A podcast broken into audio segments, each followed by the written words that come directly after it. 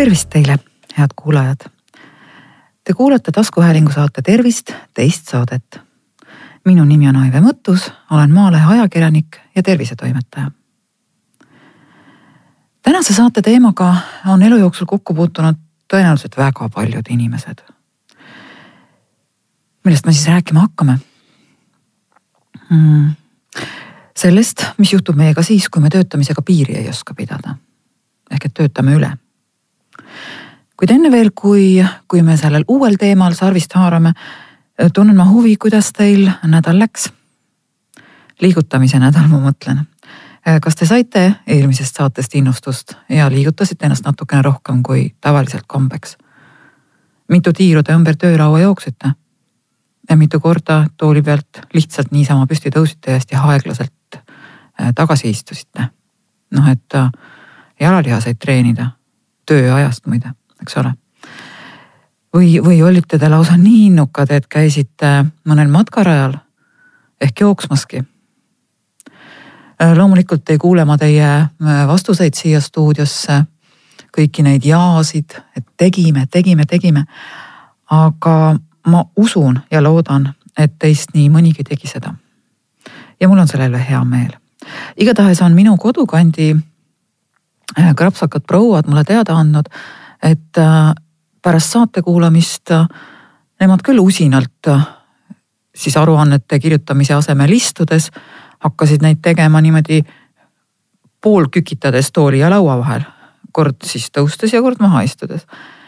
ja, ja ka oma viimased sügisesed muruniitmise tiirud aias tegid nad lausa klepseldes. noh, et et Aive ju raadiost rääkis, et liigutage rohkem ja mis seal, mis seal siis ikka lonkida selle muruniitja järel. nii et tõesti tublid naised, jätkake samas vaimus. Äh, möödunud laupäev oli, oli väga kaunis.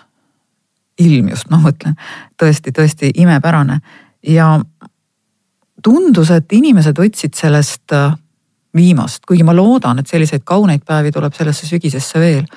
aga vähemalt sellel matkarajal, kus mina laupäeval käisin oli täielik laulupidu.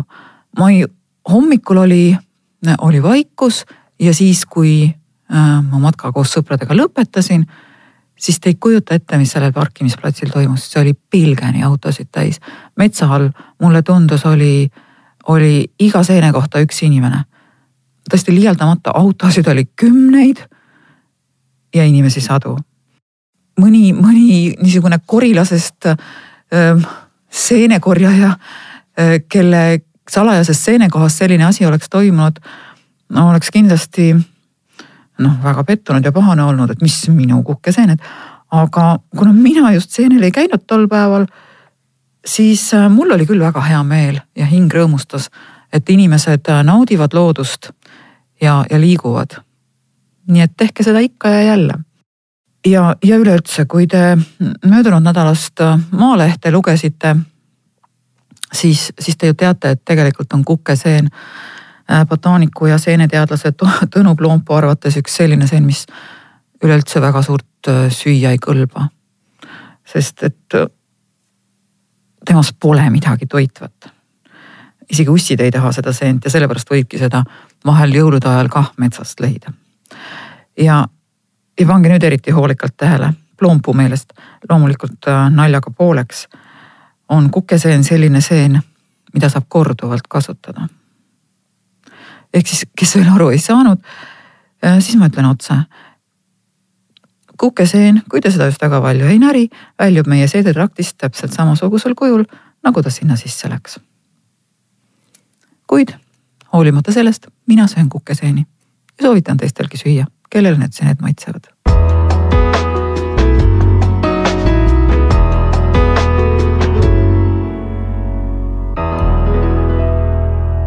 Nüüd aga siis tänase saate teema juurde.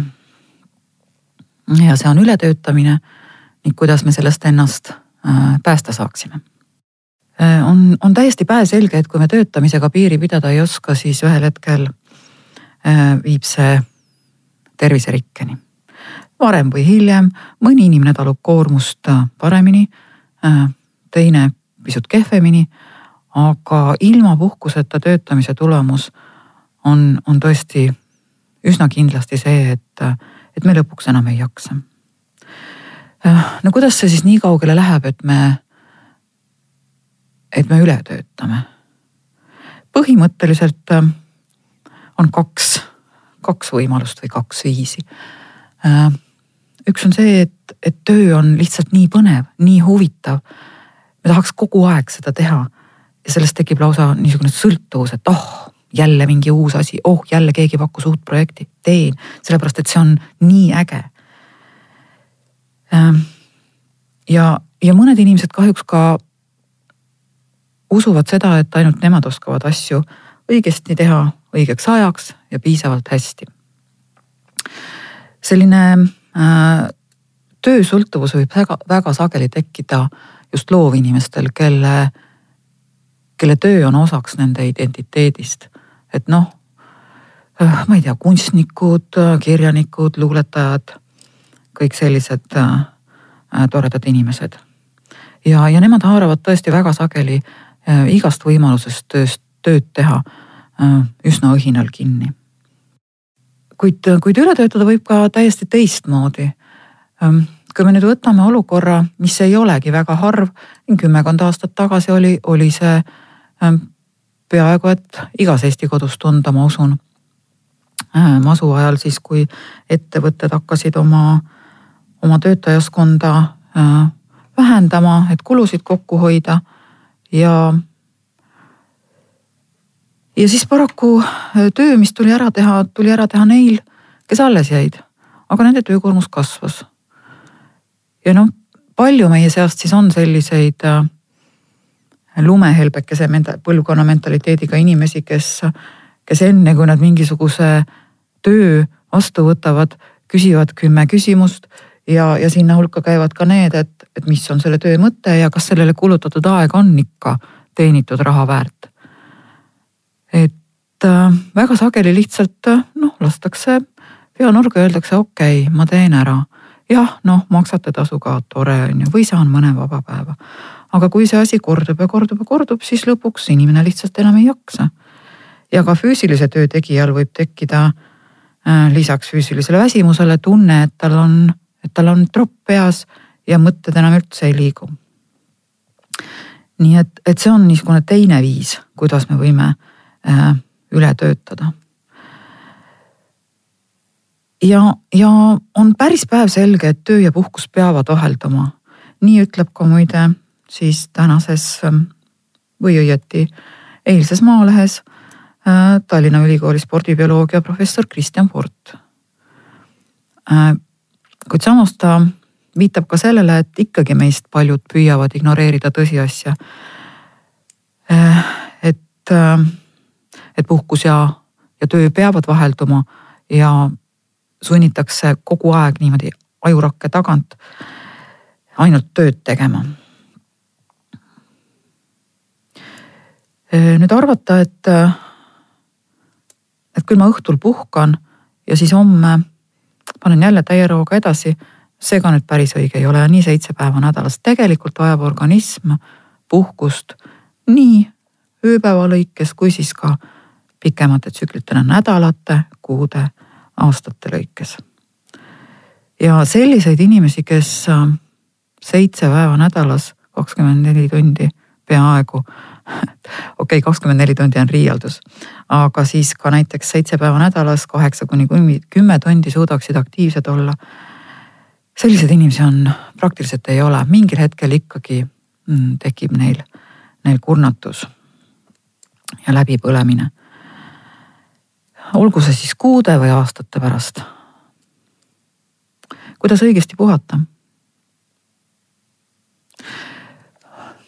üks asi, mida me kindlasti õigesti ei kasuta, on see, et me peame äh, tegema mitte midagi. lihtsalt lebotama. me oleme paljuski harjunud äh, mõtlema, et okei okay,, nüüd algas puhkus, oh, ma teen seda, teist, kolmandat, käin sõprade juures, kinos, teatris, kõik suvekontserdid käin läbi. ja siis puhkuse lõpuks olen väga-väga väsinud ja avastan, et mitte ühtegi sellist päeva ei olnud, kus ma oleks lihtsalt niisama olnud, visanud jalad seinale, ja, ja ma ei tea, lebanud, lugenud, teinud mida iganes või teinud mitte midagi. et, et tegelikult me vajame just niisugust vaikest, vaikust ja rahulikku olemist ja seda nii pikemas perspektiivis, aasta lõikes kui ka tegelikult igal nädalal võiks olla mõni selline päev, kus me ei tee mitte midagi, no kasvõi pool päeva. Need on siis päevad, kus me kiirelt režiimilt ennast aeglasele ümber lülitame. aga selleks, et tegelikult ümberlülituks toimub, ümberlülitus toimuks, kulub äh, teadlaste arvates vähemalt kaks nädalat ehk et lühemat äh, puhkust suvel kui kaks nädalat ei maksa planeerida, pigem kolm, neli. See oleks mõistlik. mida ka arvata äh, nendest ainetest, millega väga paljud meist on harjunud iga päev oma aju turgutama, olgu need siis mingid energiajoogid, äh, kohv, äh, mingisugused energiat andvad tabletid, no mis iganes. ma pean silmas selliseid legaalseid vahendeid, mida mida võib siis osta tervisetoodete riiulilt või, või apteegist. Ähm, kui internetis natukene ringi vaadata, siis leiab igasuguste ajuturgutusvahendite kohta hulgaliselt infot. ja, ja tundub, et, et nendega on nagu võimalik äh, lisada Kristjan Pordi sõnade kohaselt mõttetööle avarust, värvi või lihtsalt vastupidavust juurde pumbata. aga eh, asjal on konks. Kui kogu seda internetis avanevat maailma vaadata, siis äh, ei tohi hetkekski unustada, et äh, sõnade info ja teadmine vahel on suur vahe. mitte mingil juhul ei tähenda info teadmist äh,. tehke üks lihtne test. võtke lahti mingi noh võtke mingisugune sõna, ma ei oskagi öelda, võtke mingi ajuvitamiin näiteks. Lööge see otsingu lahtrisse sisse ja vajutage otsi. saate mitu lehekülge mingisuguseid linke. ja kui te hakkate siis neid avama ja püüate mm, algallikani jõuda. ehk et kust see info siis pärit on või kes nii ütles, kas see on tõenduspõhine, kas see on lihtsalt kellegi arvamus või, või kellegi kogemus? Ähm, kas keegi on kuidagi mõõtnud, millist kasu aju sellest ainest saab? Siis väga sageli te äh, seda algallikat ei leia või siis satute ringi, kus üks link viitab teisele, kolmas, äh, teine kolmandale, kolmas neljandale ja nii edasi ja nii edasi ja lõpuks olete te esimese juures tagasi ning kui teil on nagu piisavalt talupojamõistust peas, siis, siis te saate aru, et tõsiseltvõeldav ehk tõenduspõhise teabega pole neist linkidest varustatud mitte ükski.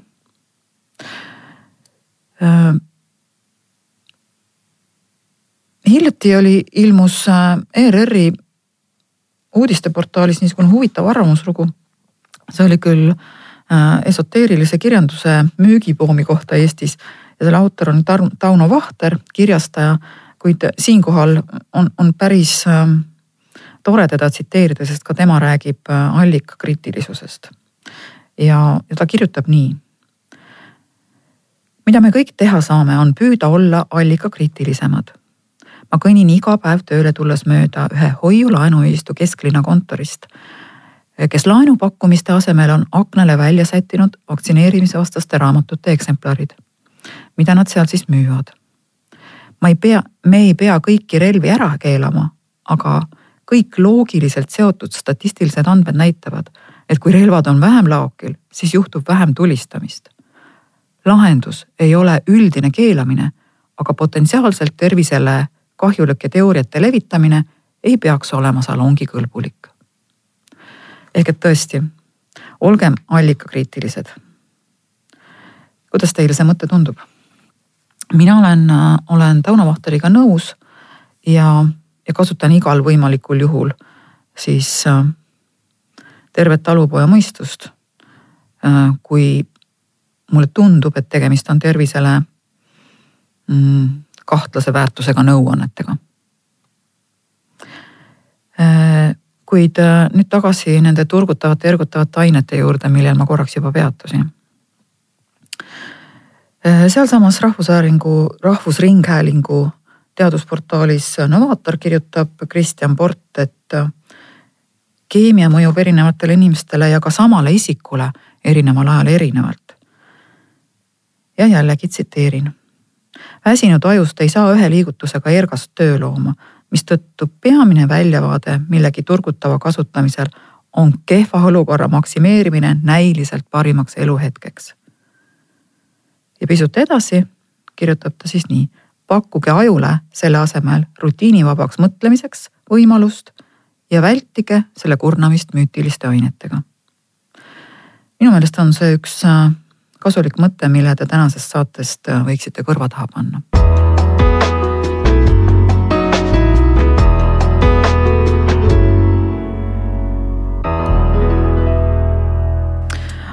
aga on olemas veel üks huvitav nähtus ja, ja asi sugugi mitte meeldiv, mis on seotud äh, ületöötamisega. meil see väga levinud ei ole. küll aga, aga Aasia riikides ja äh, on kindlaks tehtud, et pikka aega äh, stressirohketes tingimustes töötamine võib põhjustada täiesti otseselt äkksurmu. ja selle, selle jaoks on näiteks jaapani ja ka mõnes muus keeles olemas spetsiaalne termin. Jaapani keeles on selleks karõssi. ma vist oleksin küll pidanud äh, Kaido Höövelsoni käest küsima minema, kuidas seda sõna õigesti hääldatakse, aga ma loodan, et sain enam-vähem hakkama, karõssi. ja eriti tihti satuvad sellisesse mm, sundolukorda, mis tekitab tööstressi just muide keskastme juhid. sest nemad on pidevalt justkui kahe tule vahel et nad peavad rakendama juhtkonna soovitut ja samal ajal ka oma töötajate eest head seisma. Äh, mida siis teha, et me tööpostilt otse erakorralise meditsiini osakonda ei satuks? Äh, psühholoogiadoktor Eva-Maria Kangro soovitab äh, viimases Maalehes esmalt piisavalt süüa ja juua. sest kui energiat jääb väheks, siis aju lihtsalt ei jaksa täiskoormusel töötada ja siit äh, tekibki kohe järgmine küsimus, mida süüa? söömine on tänapäeval oh väga-väga tundlik teema. Äh, kuid äh, jällegi tulgem tagasi teaduse ja talupojatarkuse juurde. Tartu Ülikooli meditsiinilise biokeemia professor, meditsiinidoktor Mihkel Silmeri sõnul peaksime me lõpetama pideva söömisalase tõmblemise. ja, ja tema arvates on kaasaegse inimese kõige suurem söömisprobleem see, et enam ei julgeta midagi süüa, sest kõik asjad, kas on kahjulikud, teevad paksuks, näevad viletsad välja või, või veel midagi hullemat. ja kõik need, kes äh, on pikemat aega endale igasuguseid erinevaid põhitoitaineid keelanud, ma ei tea, mõned loobuvad äh, kartulist, teised äh, nisutoodetest, kolmandad lihast ja kui nad ennast seetõttu kehvalt hakkavad tund-, tundma, siis nad äh, peaksid lihtsalt meelde tuletama äh, toitainete ja toitumise põhitõed. ehk nagu ütleb Silmer, nii nagu bioloogiaõpetaja koolis kulutas, olgu me kõhnemat või priskemat sorti naiste või meesterahvad, meie kehad vajavad ühesuguseid toitaineid. ja, ja kui lugeda mm, siis neid artikleid või, või kuulata raadiosalvestisi, kus äh, professor Zilmer esineb, siis sellised äh, toredad hüüdlaused on tal nagu tere, süsivesi, kõissa rasvad. või siis varusta end valkudega. ja, ja sellised mõnusad laused ju lausa kutsuvad uurima, et mida siis lugupeetud biokeemik süüa soovitab. Äh, siinkohal ma muide ei saa jätta mainimata, et, et professor Zilmer oli ülikooli ajal üks minu lemmikõppejõududest ja ma kuulan äh,, loen tema kirjutisi salvestisi siiamaani hea meelega ja soovitan teilegi. üks koht, kus neid äh, leida, on Vikerraadio arhiiv. otsige sealt saadet Huvitaja ja raamatukogust leiate ka tema ja tema kaasmõtlejate sulest ilmunud äh, toredaid raamatuid, just söömisraamatuid ja neid on seal kohe mitu tükki. nii et minge vaadake ja uurige. ja siit, äh, siit siis selle saade, saate teine kasulik mõte. Sööge päris toitu. võtke aega ja tehke süüa. kartulist, kalast, lihast, munadest, piimast, kõigest sellest, mida meie laius, laiuskraadil elavad inimesed on söönud aastasadu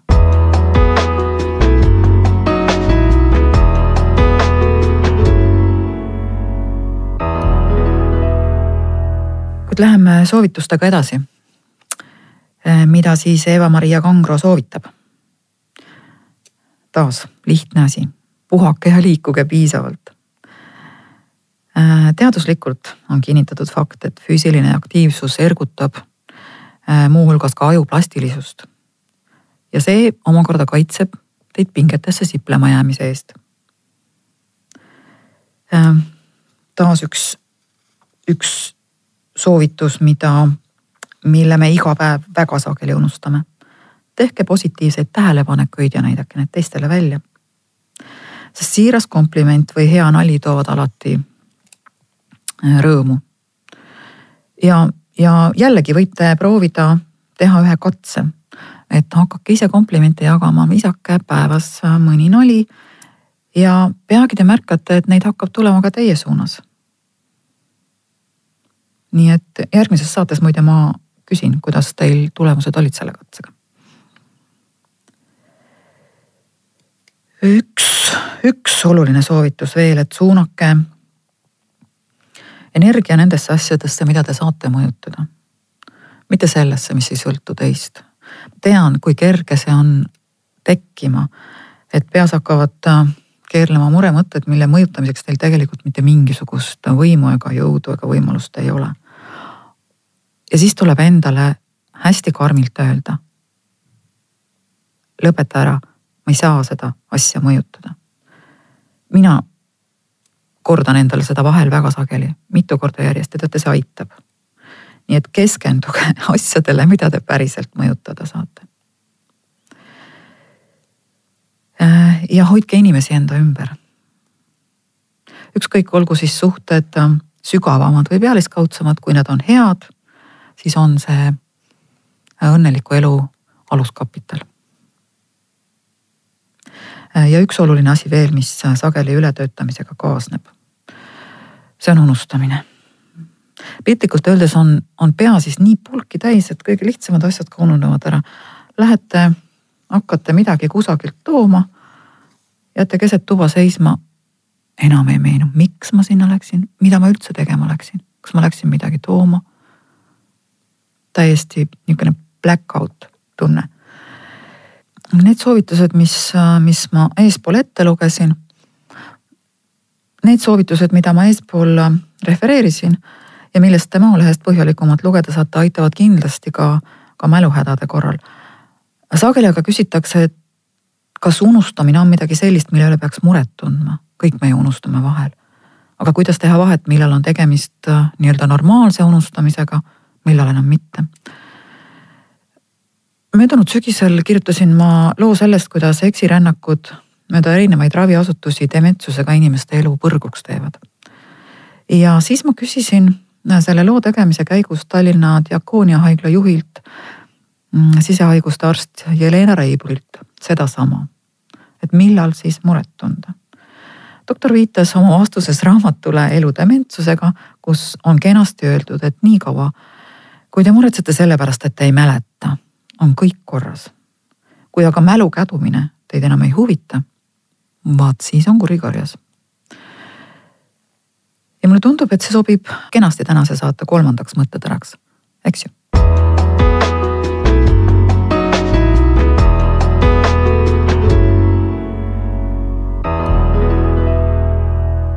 ja taas läheme enne saate lõppu tagasi Eh, teadusportaal Innovaator, millest ma ennist mitu korda juba rääkinud olen. Eh, seal kirjutab Kristjan Port, et me võiksime maailmale eeskuju näidata ja leiutada eesti keelde sõna, mis tähistab inimest, kes on nädalavahetusel nii hästi puhanud, et isegi suve, suveajale ülemineku kiuste on ta esmaspäeviti alati virge ja õnnelik. on ju tore ettepanek nii et kõik, kellel, kellel selle uue sõna osas mingeid mõtteid tekib, siis te võite need läkitada e-kirja teel mulle aadressil äh, tervist, et maaleht.ee. ja, ja samal aadressil ootan ka teemasid, mille käsitlemist te saates kuulda sooviksite. mõned palved on muide juba minuni jõudnud. näiteks üks keskea künnise ületanud härrasees on poja vahendusel huvi tundnud, miks mõned inimesed ilma näilise põhjuseta ajapikku juustest ilma jäävad. Ja tema poeg, siis hulga noorem mees, on huvitatud sellest, miks kõik mehed ühtmoodi rohke habeme kasvuga õnnistatud pole. ja seegi teeb talle muret, et kuidas konna silmadest lahti saada. kui nüüd neid kolme probleemi lähemalt vaadata, siis selgub, et et neis on vähemalt üks ühine joon. Nad avalduvad kõik inimkeha suurimas organil. Nad avalduvad kõik inimkeha suurimas organis või organis. Nad avalduvad kõik inimkeha suurimas organis. ja nüüd küsimus taas, milline on inimkeha kõige suurem organ? kellel on bioloogiatundidest meeles? no olgu, ma ütlen teile ette. see organ on nahk ja tõesti võib juhtuda, et me käsitleme millalgi tulevikus ka saates mm, selliseid teemasid nagu naha toimimine ja mõningad tervisehäired, häired, mis just nahal välja löövad. seniks aga tervist teile, head kuulajad. minu nimi on Aive Mõttus, olen Maalehe ajakirjanik ja tervisetoimetaja. kohtumiseni järgmises tervisesaates juba tuleval reedel